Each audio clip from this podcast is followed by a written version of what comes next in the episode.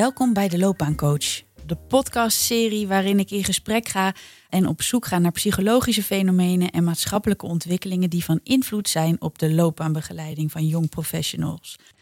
Mijn naam is Japke Ebbingen en vandaag ga ik in gesprek met Michiel Oudega.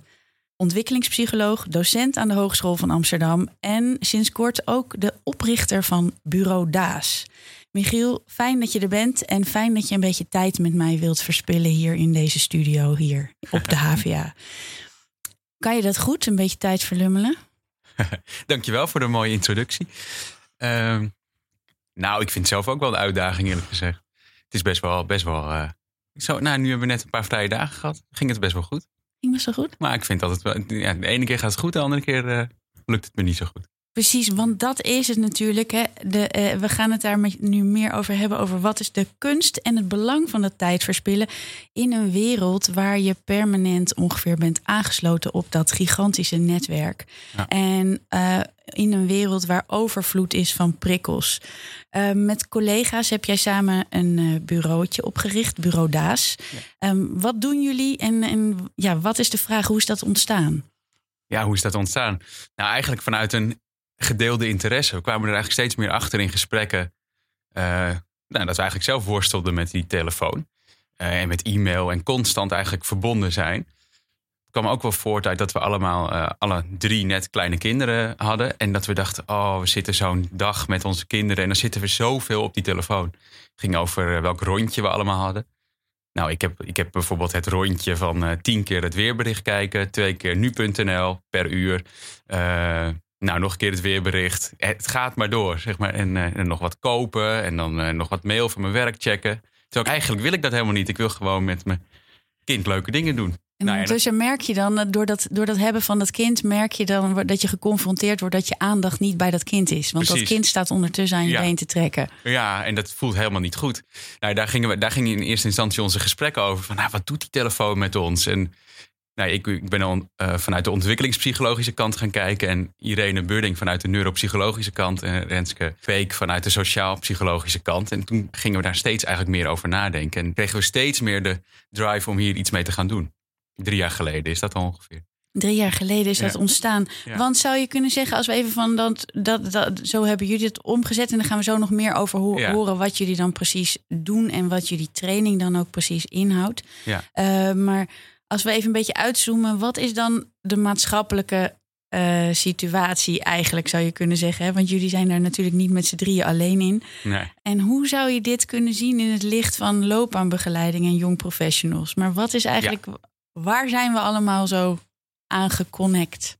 Ja, ik zal even beginnen met de brede vraag inderdaad. En dan proberen de koppeling te maken naar de loopbaanbegeleiding. Nou ja, kijk, ik denk dat die technologie, ja, die is fantastisch, maar die is ons wel een beetje overkomen. Die komt steeds meer in ons leven. En ik denk dat wij, um, ja, als mensen, klinkt echt als een oude lul, maar dat we niet helemaal, nou, dat we daar ons niet zo heel bewust van zijn. Het is, ons, het is echt in ons leven steeds meer gekomen. Um, ja, en het, en het probeert echt onze aandacht te grijpen. Ik bedoel, daar, daar zitten hele, hele verdienmodellen achter die telefoon, die, die iPhone of welke telefoon dan ook, die, die wordt ontworpen om onze aandacht zoveel mogelijk te pakken. En dat lukt zo ontzettend goed. Ik, uh, ik fiets hier net naartoe en dan denk ik, uh, ja, ik was natuurlijk met deze podcast bezig en dan zie ik, zit ik een beetje op te letten over hoeveel mensen op hun telefoon zitten. Op de fiets. Nou, dat is al niet normaal. Terwijl we echt wel allemaal weten dat dat niet zo heel handig is. Iedereen slingert. En, uh, nee, dus, dus maatschappelijk, er is een gevecht om de aandacht en wij kunnen als mensen niet zo goed multitasken. Dus we, we moeten nou ja, we zijn eigenlijk steeds meer verbonden aan die telefoon, aan die mail. En daardoor verlie verliezen andere onderdelen in ons leven ja, uh, uh, aandacht. En ik denk als we hem koppelen naar keuzes maken in je loopbaan, dan heb je ook uh, soms rustmomenten nodig. En, en ook nou, even moeilijke momenten om te overdenken. Van wat gebeurt er in mijn, in mijn leven? Wat, wat vond ik eigenlijk leuk aan die open dag? Of wat vond ik leuk aan dat gesprek? Of dan zeg ik een beetje het analyseren, het, het, onbewust laten gaan van je brein. Het onbewust laten gaan van je brein. En, ja. en, en doen mensen dat vandaag de dag nog? Het onbewust laten gaan van hun brein? Ik denk eigenlijk, je hoort vaak mensen van nou onder de douche, dan heb, heb ik soms nog wel goede momenten dat ik over iets nadenk. Nou, dat, dat is toevallig een van de weinige plekken waar je telefoon niet kan komen. Al maken ze ze waterdicht. Ja, en slapend. Maar er zijn natuurlijk veel meer mogelijkheden om even nou ja, te mijmeren of te dagdromen of even niet meteen afleiding te zoeken. Nee, want wachten is er ook niet meer bij. Hè? Bij een bushalte even stilstaan of wachten bij de, bij de dokter. En een kind leert al helemaal niet meer wachten. Want als ze bij de dokter zijn, dan krijgen ze een tablet Ja, in hun handen gedrukt. Ja. Want dan heb je even wat te doen in de tijd. ja. Nee, dus het, het wacht eigenlijk even een beetje. Je zou kunnen zeggen dat ze echt oefenen met het even accepteren zoals het is. Even oefenen met gewoon de, de tijd doorkomen. Kijken we wat er gebeurt. Dat, ja, dat, dat, dat leren we echt niet zo goed meer. Dat leren we niet zo goed meer. Eh, er zijn veel voordelen aan dat aangesloten zijn op dat net. Eh, wa- wat, zijn, wat zijn al die voordelen? Ja, het is natuurlijk echt fantastisch. Ik bedoel, je, je kan even het nieuws bekijken. Je kan even contacten van, oh, ik kom er zo aan. Eh, eh, het is heel makkelijk om met elkaar te communiceren. En dat, heeft natuurlijk, dat is natuurlijk ook ontzettend handig. Of even, eh, ja, wat, wat vind ik nou nog meer allemaal handig? Ja, als ik de weg niet weet, even Google Maps. Ja, fantastisch. Dus- Precies, dus er zijn heel veel tools en mogelijkheden... wat ons leven heel veel aangenamer en gemakkelijker en sneller doet eh, verlopen. Maar er doemen dus ook, want eigenlijk is het nog helemaal niet zo heel erg lang. Hè? Sinds 2007 is echt die smartphone eh, helemaal in grote getalen in opkom. Of ja, ze, ze- maken we er groot gebruik van. Ja. Dus dat is eigenlijk nog een hele korte tijd, in 12 jaar, Ja. eh, dat dat eh, zo geëxplodeerd is. En dus is het ook niet zo gek dat we misschien nu het gesprek krijgen. Wat zijn dan eigenlijk de nadelen? Want we, misschien gaan we dat nu een beetje meer ervaren. Welke, en welke nadelen zien jullie als psychologen opdoemen? ja, het is inderdaad niet zo lang, hè? Nee. Als je kijkt wanneer er voor het eerst werd gerookt en wanneer we er pas wat aan zijn gaan doen. En dan zijn we net begonnen natuurlijk. Nou ja, ehm, Ja, ik precies. En, en, en, het, en het fenomeen eh, mobiel gebruik eh, vergelijken met een verslaving is natuurlijk wel gerechtvaardigd. Ja, denk ik wel. Al heb je er wat minder, nou ja, wat minder, ik wilde zeggen wat minder echt lichamelijke gevolgen van. Al zijn er ook steeds meer onderzoeken bekend dat, dat je er ook echt veel meer stresshormonen in je lichaam van krijgt. Maar goed, dat, is, eh, dat gaat Wel, want ver. welke nadelen zien jullie verschijnen? Nou, de, de grootste nadelen zijn denk ik dat je constant onder een level van stress staat. Omdat je constant denkt van, oh, ik kan opgepiept worden of ik, er kan iets gebeuren. Dat is een groot nadeel. Het, ja, een heel groot nadeel is dat je niet meer geconcentreerd kan werken. Eh, niet meer geconcentreerd met je, nou ja, met een gesprek bezig zijn. Niet meer gewoon echt even de diepte ingaan. Zeg maar langer dan 10 minuten met een taak bezig zijn. Echt single tasking, dus echt met die taak bezig zijn. Dat, dat, nou, dat gebeurt amper meer. Ehm, dat is een groot nadeel. Ja, en ik denk, ik denk in het kader van loopbaan ook dat je, dat je wat minder leert en wat minder gewend bent. En het wat minder hoeft te doen om soms even niet korte termijn bevrediging te hebben. Dus dat je, nou, als je met je loopbaan bezig bent, dat, dat er ook periodes tussen bij horen of momenten dat je denkt, "Eh, hoe moet dit nou? En eh, we gaan echt, ik zit er gewoon mee. Eh, ik denk dat die momenten heel belangrijk zijn. En als dan constant die telefoon om de hoek kan komen kijken om korte termijn weer een bevrediging te krijgen, dan, ja, dan is dat een groot nadeel. Ja, kan, want kunnen we daar nog iets meer op inzoomen? Wat is een nadeel van de hele tijd korte termijn bevrediging? Wat gebeurt er dan Ja. met ons en, en hoe verhoudt die zich bijvoorbeeld tot eh, waar ook over gespeculeerd wordt, natuurlijk van eh, een toenemende mate van depressie, toenemende mate van angststoornissen, toenemende mate van burn-out op jonge leeftijd? Ja. Eh, zit daar een relatie tussen? Ja, ik, ik denk, nou laten we met burn-out beginnen. Ik denk dat daar zeker een relatie tussen is. Dat je, ehm, nou, je hebt dus constant een klein level van stress. En op, nou, op school, nou, burn-out is meer, meer bij young professionals die net aan het werk zijn. Het constant verbonden zijn. Dus geen pauzes meer hebben waarin je echt even nou ja, tot rust komt, echt even bijkomt. En ook echt dat je, brein, dat je brein even bijkomt. En, en alles wat er gebeurd is een beetje kan archiveren, kan een plek aan geven. Eh, als dat niet meer kan, dan ja, je werk blijf je wel doen. Maar dat kost je gewoon veel meer stress en veel meer oververmoeidheid. Veel meer ja, een, een, een, eh, ja, een gevoel van, eh, van controleverlies. En dat, ja, dat, daar, daar krijgen mensen gewoon enorm veel stress van. En dat hou je wel even vol, maar niet, eh, niet, niet heel lang. Eh, en stress leidt het dan ook weer tot, op welke manier leidt het dan ook nog tot een laag zelfbeeld, wordt over gepraat, of grotere gevoelens van eenzaamheid? Of Ja. dat vond ik ook zo'n fascinerend nou, in onze voorbespreking hiervoor.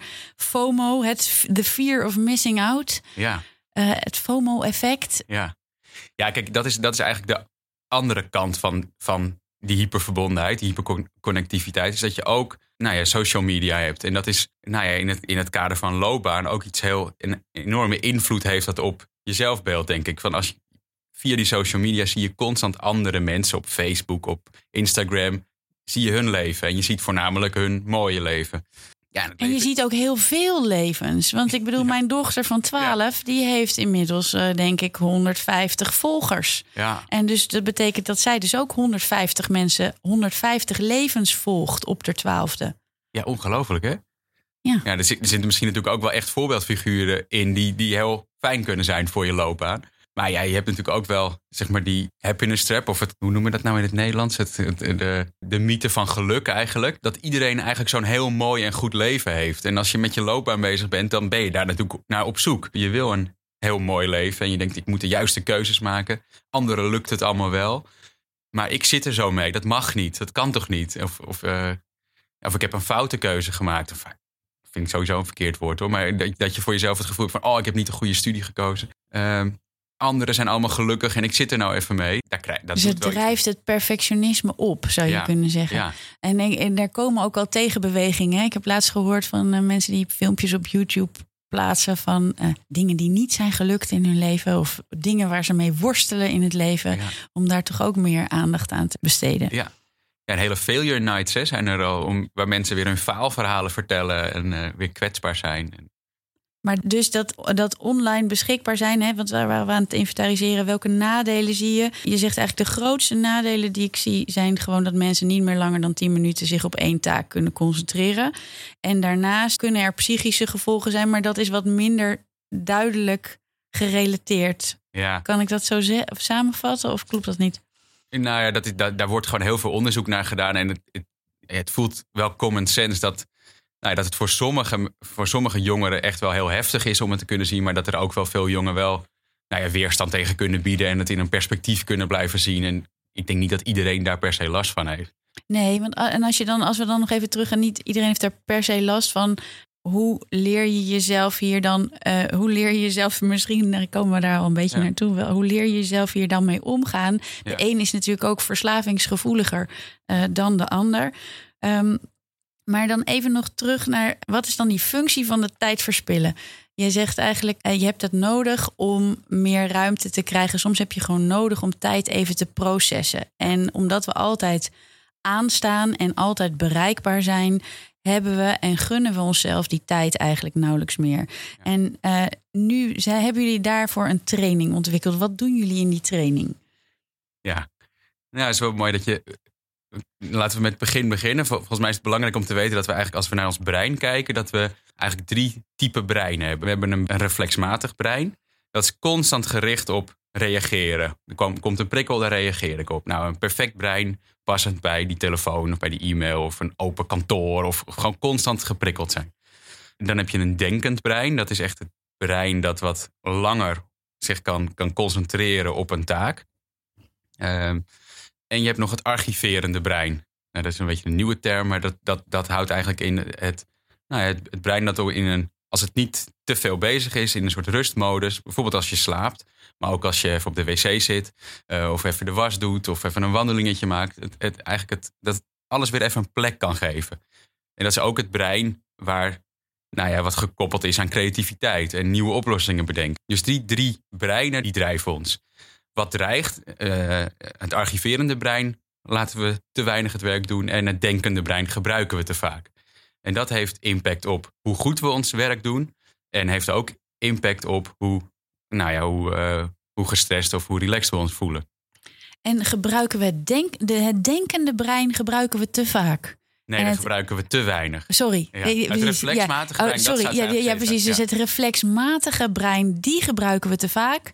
En het denkende brein gebruiken we te weinig. En het archiverende brein komt te weinig aan bod. Ja, ja. Nou, en het archiverende brein, dat is, het, is, het is ook een beetje de. Nou, in loopbaanbegeleiding heb je ook wel momenten nodig van contemplatie en het weer bij elkaar brengen. En uiteindelijk dat je denkt, hé, hey, dan ga ik dat doen. En daar heb je gewoon nou ja, soms even rustmomenten voor nodig. En, en, dan komen dingen bij elkaar. Ja, want dat is natuurlijk een hele belangrijke die je zegt. De creativiteit, die vindt eigenlijk vooral daar plaats. Wat Ja. vindt daar nog meer plaats in het archiverende brein? Ja, dus ja, die, die creativiteit komt echt zo van, van Einstein. Hè? Van, die, van die mensen die een epiphany hebben gehad. Nou, dit zeggen ze altijd. Nou, dat was net na een slaapje. Of net toen ik even onder de douche stond. Of net toen ik een wandelingetje aan het maken was. Ja, en wat er vooral plaatsvindt is ook ja, eigenlijk echt archiveren. Dus alle rotzooi weer uit je hoofd. Van, eh, van al die prikkels van, van, van een uur waarmee je, waarmee je, of van een dag waarmee je mee bezig bent geweest. En verbindingen maken en dingen op zijn plek zetten in je brein. En het eigenlijk gewoon een beetje op orde krijgen weer van hoe het allemaal, wat er allemaal is gebeurd. Nou ja, met loopbaan, je, moet, je, je krijgt ontzettend veel binnen als je daarmee bezig bent. Maar hoe krijg je daar weer een beetje orde in? Hoe, hoe overdenk je weer een beetje van, nou, dat zijn voor mij de hoofdpunten. Dat zijn echt belangrijke waarden bijvoorbeeld voor me. Uh, en dat, nou, dat is eigenlijk toch een soort bijzaak. Maar dan heb je gewoon even. Dat, je onbewuste kan dat veel beter dan dat allemaal maar heel bewust doen. En daar heb je die lummeltijd voor nodig. Ja, lekker lummelen. En, en, en, lummelen en mijmeren en dagdromen. Wauw. En, en, en, hoe komt het dat we dan dat we onze, uh, ons denkend brein ook zo. Dat verrast me eigenlijk nog het meest. Dat we ons denkend brein uh, niet zo goed of niet zoveel meer gebruiken. Ja, ik denk vooral dat het te maken heeft met nou wat te weinig zelfregie pakken daarin. Als ik naar mezelf kijk ook hoor. Het vergt nogal wat om mezelf voor te bereiden als ik aan het werk ga. Om een klus te doen waar ik uh, wij spreken 30 minuten onafgebroken dat kan doen. Dan moet ik echt met een koptelefoon op gaan zitten. Uh, een beetje afgezonderd. Niet te vrolijk naar collega's kijken die allemaal om me heen zitten. Mijn scherm goed neerzetten. Mijn telefoon uit. Mijn e-mail uit. En dan kan ik dat gaan doen. Nou ja, dat is nogal een voorbereiding. Meestal begin ik zomaar wat en dan, uh, zit ik, dan hoor ik iemand wat leuk zeggen om me heen. Of ik krijg nog een berichtje en dan zit ik na vijf minuten daar weer op te reageren. En het kost dan gewoon steeds 10 tot, nou ja, 10 tot 15 minuten om weer op hetzelfde diepe level te zitten in mijn werk. Dus dat reflexbrein is gewoon zo sterk. Die reageert gewoon op alles. Die moet je echt heel bewust uitzetten om ruimte te maken. Want je zegt ook als je je even laat verleiden er weer uit, kost het je minstens weer nou, een x aantal tijd om weer terug te komen in diezelfde denkmodus. Ja, ja. ik volgens mij die. Uh, ik las een interview van Erik Tichelaar en die, die vertelde ook zo van. Je kan het vergelijken met een. Je gaat duiken met een bootje, je vaart de zee op. En uh, uh, als je weet dat dat bootje vrij snel weer weggaat, dus daar snel weer een prikkel komt, hè, dan ga je minder diep duiken dan wanneer je weet dat bootje ligt daar gewoon een uur. Dan kan je echt de diepte in en dan kom je wel weer terug. Ik vond het wel een, eh, ja, mooi beeld. Ja, mooi beeld. Ja, en, dat, en uh, ik denk dat heel veel mensen zo werken. Ik, uh, ik, eh, als ik naar mezelf kijk ook, dan uh, je kan zomaar een halve dag kwijt zijn in je mailbox. En dan wel ook nog van allerlei inhoudelijke dingen daaraan verbonden oplossen. Ja. maar echt een, een stuk schrijven of een nieuw programma ontwerpen uh, vraagt een andere. En dat vraagt dus aandacht van dat denkende brein, waar gewoon leegte voor nodig is. Ja. Wat leren jullie mensen dan? Hoe kunnen we dit dan, uh, hoe kunnen we dat denkende brein meer aankrijgen en dat archiverende brein meer ruimte geven? Ja, hoe leren we mensen? Vooral door dit verhaal te vertellen in een, in een college met, met veel beelden en, en, uh, en gesprekken daarover met elkaar. Ja, dus luister deze podcast. Dat is gewoon genoeg. Nou ja, precies. Moet je wel weer nou online. maar we weten natuurlijk ook als uh, psychologen hoe moeilijk het is om gedrag te veranderen. Want ik bedoel, nou ja, heel eerlijk, ik weet dit ook. En ik, ik, ik heb ook, lees ook heel veel over interventies. Wat, wat kan je nou doen om hier iets, hiermee om te gaan? En het is nog steeds hartstikke moeilijk. Dus we, we beginnen wel echt met dat bewustzijn. En dan gaan we met elkaar aan de slag. Hoe kunnen we, hoe kunnen we nou ja, in ons persoonlijke leven of uh, op ik-niveau, zeg maar, in je, in je werk. Hoe kan ik daar iets in veranderen? Maar ook hoe kunnen we met elkaar afspraken maken dat we meer langer aan een taak kunnen werken en dat we meer archiveertijd hebben. Ja, en daar, ja, daar komen dan verschillende ideeën eh, uit. Maar wat een heel belangrijk iets is, is dat je, dat je tijd inplant voor pauzes, voor archiveren. En dat je dan weet dat je niet op je telefoon gaat. Maar ook dat je meer batch werkt. Dus dat je wat meer denkt van ik, ik werk een blok aan mail aan allemaal reflex, uh, aan reflexmatige dingen gewoon reageren. En daarna ga ik echt een, een uur, nou ja, ga ik echt een diep, diepere taak doen. En dan ga ik nog een, uh, twee uur overleggen inplannen. Dan doe ik dat achter elkaar. En dan als ik naar huis ga, dan is het tijd voor mijn gezin en voor mijn kinderen. En dan heb ik die telefoon er niet bij nodig. Dan is dat weer klaar. Ja. Eh, ik, ik, las laatst ook in een artikel in de Trouw over uh, loopbaan, loopbaanbegeleiding. Dat begin de dag met eigenlijk, dat werd niet zo genoemd van dat denkende brein. Maar begin de dag met een zinvol, uh, nou ja, een zinvol, waardevol, verdiepende activiteit. Want dan is die alvast in de pocket. En dan kan je daarna even in een soort van ontspanning in de reflexstand. Ja, uh, maar ja wel mooi. Nee, mooi. Want ik denk dat je. Ik denk dat het daarom vind ik het ook wel moeilijk om te zeggen wat leren we mensen. Want eigenlijk willen we vooral het gesprek erover en, en, en uitzoeken wat bij jou past. Maar ik denk dat er veel mensen zijn die s ochtends wel scherp zijn. Dat het dan eigenlijk zonde is om dan meteen vanuit allemaal reflexen te gaan handelen. Kan, je, kan, je kan dan beter misschien die ochtend beginnen. Inderdaad, als, als je denkt van oh, dan zit ik er altijd wel lekker in. Door niet die mail meteen aan te doen. Of niet meteen je telefoon aan te doen. Maar eerst te beginnen met van, nou, iets wat je echt wil doen. Wat je echt belangrijk vindt. En dan pas in de reflex. En dan, uh, dan ga je nog even reflexen. Maar dat kan je beter om vijf uur doen met nog een, uh, een koffietje extra. En dan ga je dan lekker uh, als, een, als een als een uh, reflexen uitoefenen op alles wat nog binnenkomt. Ja. En wat merk je als je dat gesprek aangaat met mensen? Wat merk je dat er gebeurt in dat bewustzijn, in, in, in, in, in gedragsverandering? Ja, wat, wat ik altijd wel heel leuk vind, is dat mensen ontzettend nou ja, enthousiast zijn en heel vaak dan terugkomen op dat archiveren. Want wat veel mensen die zeggen dan van ja, maar ik doe wel mindfulness of ik doe wel yoga. Maar ja, dat is ook weer zo intrusive. Of, of niet iedereen vindt dat iets wat bij hem past. Uh, dus je hoort wel mensen vaak terugkomen op van... oh ja, we moeten meer archiveren. Niet tijdens de lunch op onze telefoon. En we merken heel erg dat dat wel aangrijpt. Dat, dat van hoe kan ik meer archiveren? Uh, ik merk het ook met uh, studenten. Als ik soms in een, in, in, op een verloop van tijd dan vraag ik uh, studenten van wat zouden jullie nou doen in de pauze als jullie nou geen smartphone houden? En dan gaan een beetje beschroomd gaan al die smartphones naar beneden. Ja, dan zouden we gewoon met elkaar praten. Ja, ja. krijg ik dan ja. te horen. Oké, we doen wel weg. Ja, we gaan wel even gewoon gezellig praten met elkaar. ja. Ze kunnen het gelukkig nog wel, ja. Ze kunnen het ja. zeker nog. Mm. Ze kunnen het wel, maar de grid, zoals het ook wel wordt genoemd, het netwerk, dat grijpt ons uh, permanent. En daar moeten we dus wel, uh, er moet, het is wel, moet van stevige huizen komen, wil je je daar goed tegen ja. kunnen wapenen of ook op tijd. Dus tijd inruimen voor dat archiverende brein en voor dat uh, denkende brein. Ja. Wat hebben loopbaanbegeleiders aan deze kennis? Of mensen ja. die zelf zich oriënteren op, uh, ja, op de volgende stap? Nou, ik denk dat, dat een van de belangrijke dingen is dat we reflecteren is iets, is iets interessants bij loopbaanbegeleiding. Uh, of als je zelf bezig bent met een keuze, van je, dan hoor je van je moet erover reflecteren. En dat kan je volgens mij. Ja, je kan allemaal reflectieopdrachten geven, maar we weten ook wel van, vanuit veel onderzoek dat, dat, nou, dat je dat heel erg in dialoog ook wel nodig hebt met iemand. En dat is dus echt wel de diepte ingaan in gesprekken.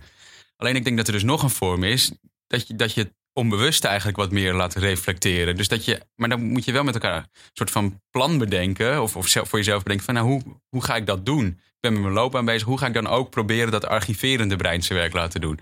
Misschien moet je gewoon als loopbaanbegeleider soms eens voorstellen om een wandelingetje te maken waarin je ook even gewoon niet over die, over die loopbaan hebt, maar dat je even met elkaar kan, uh, kan archiveren. Dus meer ruimte in, uh, in, in ramen voor archiveren. Ja, dat is eigenlijk voor het voor, ja. uh, voor lummelen. Ja. Want dan komen uh, er vanzelf antwoorden dan op, op grote vragen. Ja.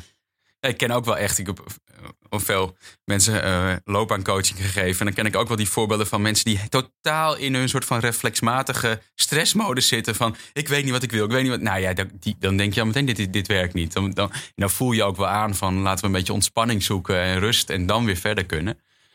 Nou, ik denk dat we dat een beetje voor kunnen zijn ook wel. En dat, precies. En dat die loopbaanbegeleider van nu, uh, dat, het ook, dat we ook ons met z'n allen realiseren dat het een redelijk nieuw fenomeen is. Ja. Uh, waar we allemaal nog niet zo goed raad mee weten. Ja. Uh, dus dat we daar allemaal nog zoekende in zijn, maar dat we wel kunnen, dat, dat, wel dat fenomeen zien. Ja. Um, en dus zo ons voordeel ermee kunnen doen. Dat we, dat we daar met z'n allen nog in ja, kunnen leren. Ja, Op zoek dus uh, naar meer ruimte voor dat archiverende brein. Uh, Dank je wel, Michiel, dat je deze ochtend met mij hier wilde verlummelen. en dat we samen mochten exploreren over de kunst en de belangen van het tijdverspillen in een wereld van permanente connectiviteit. Heel erg bedankt. Dit was de Loopbaancoach. Leuk dat je luistert. We zijn te vinden op iTunes, Soundcloud, Spotify of via de website van de Psychologie van de Studiekiezer van de HVA. En we zijn ook nog te volgen op Instagram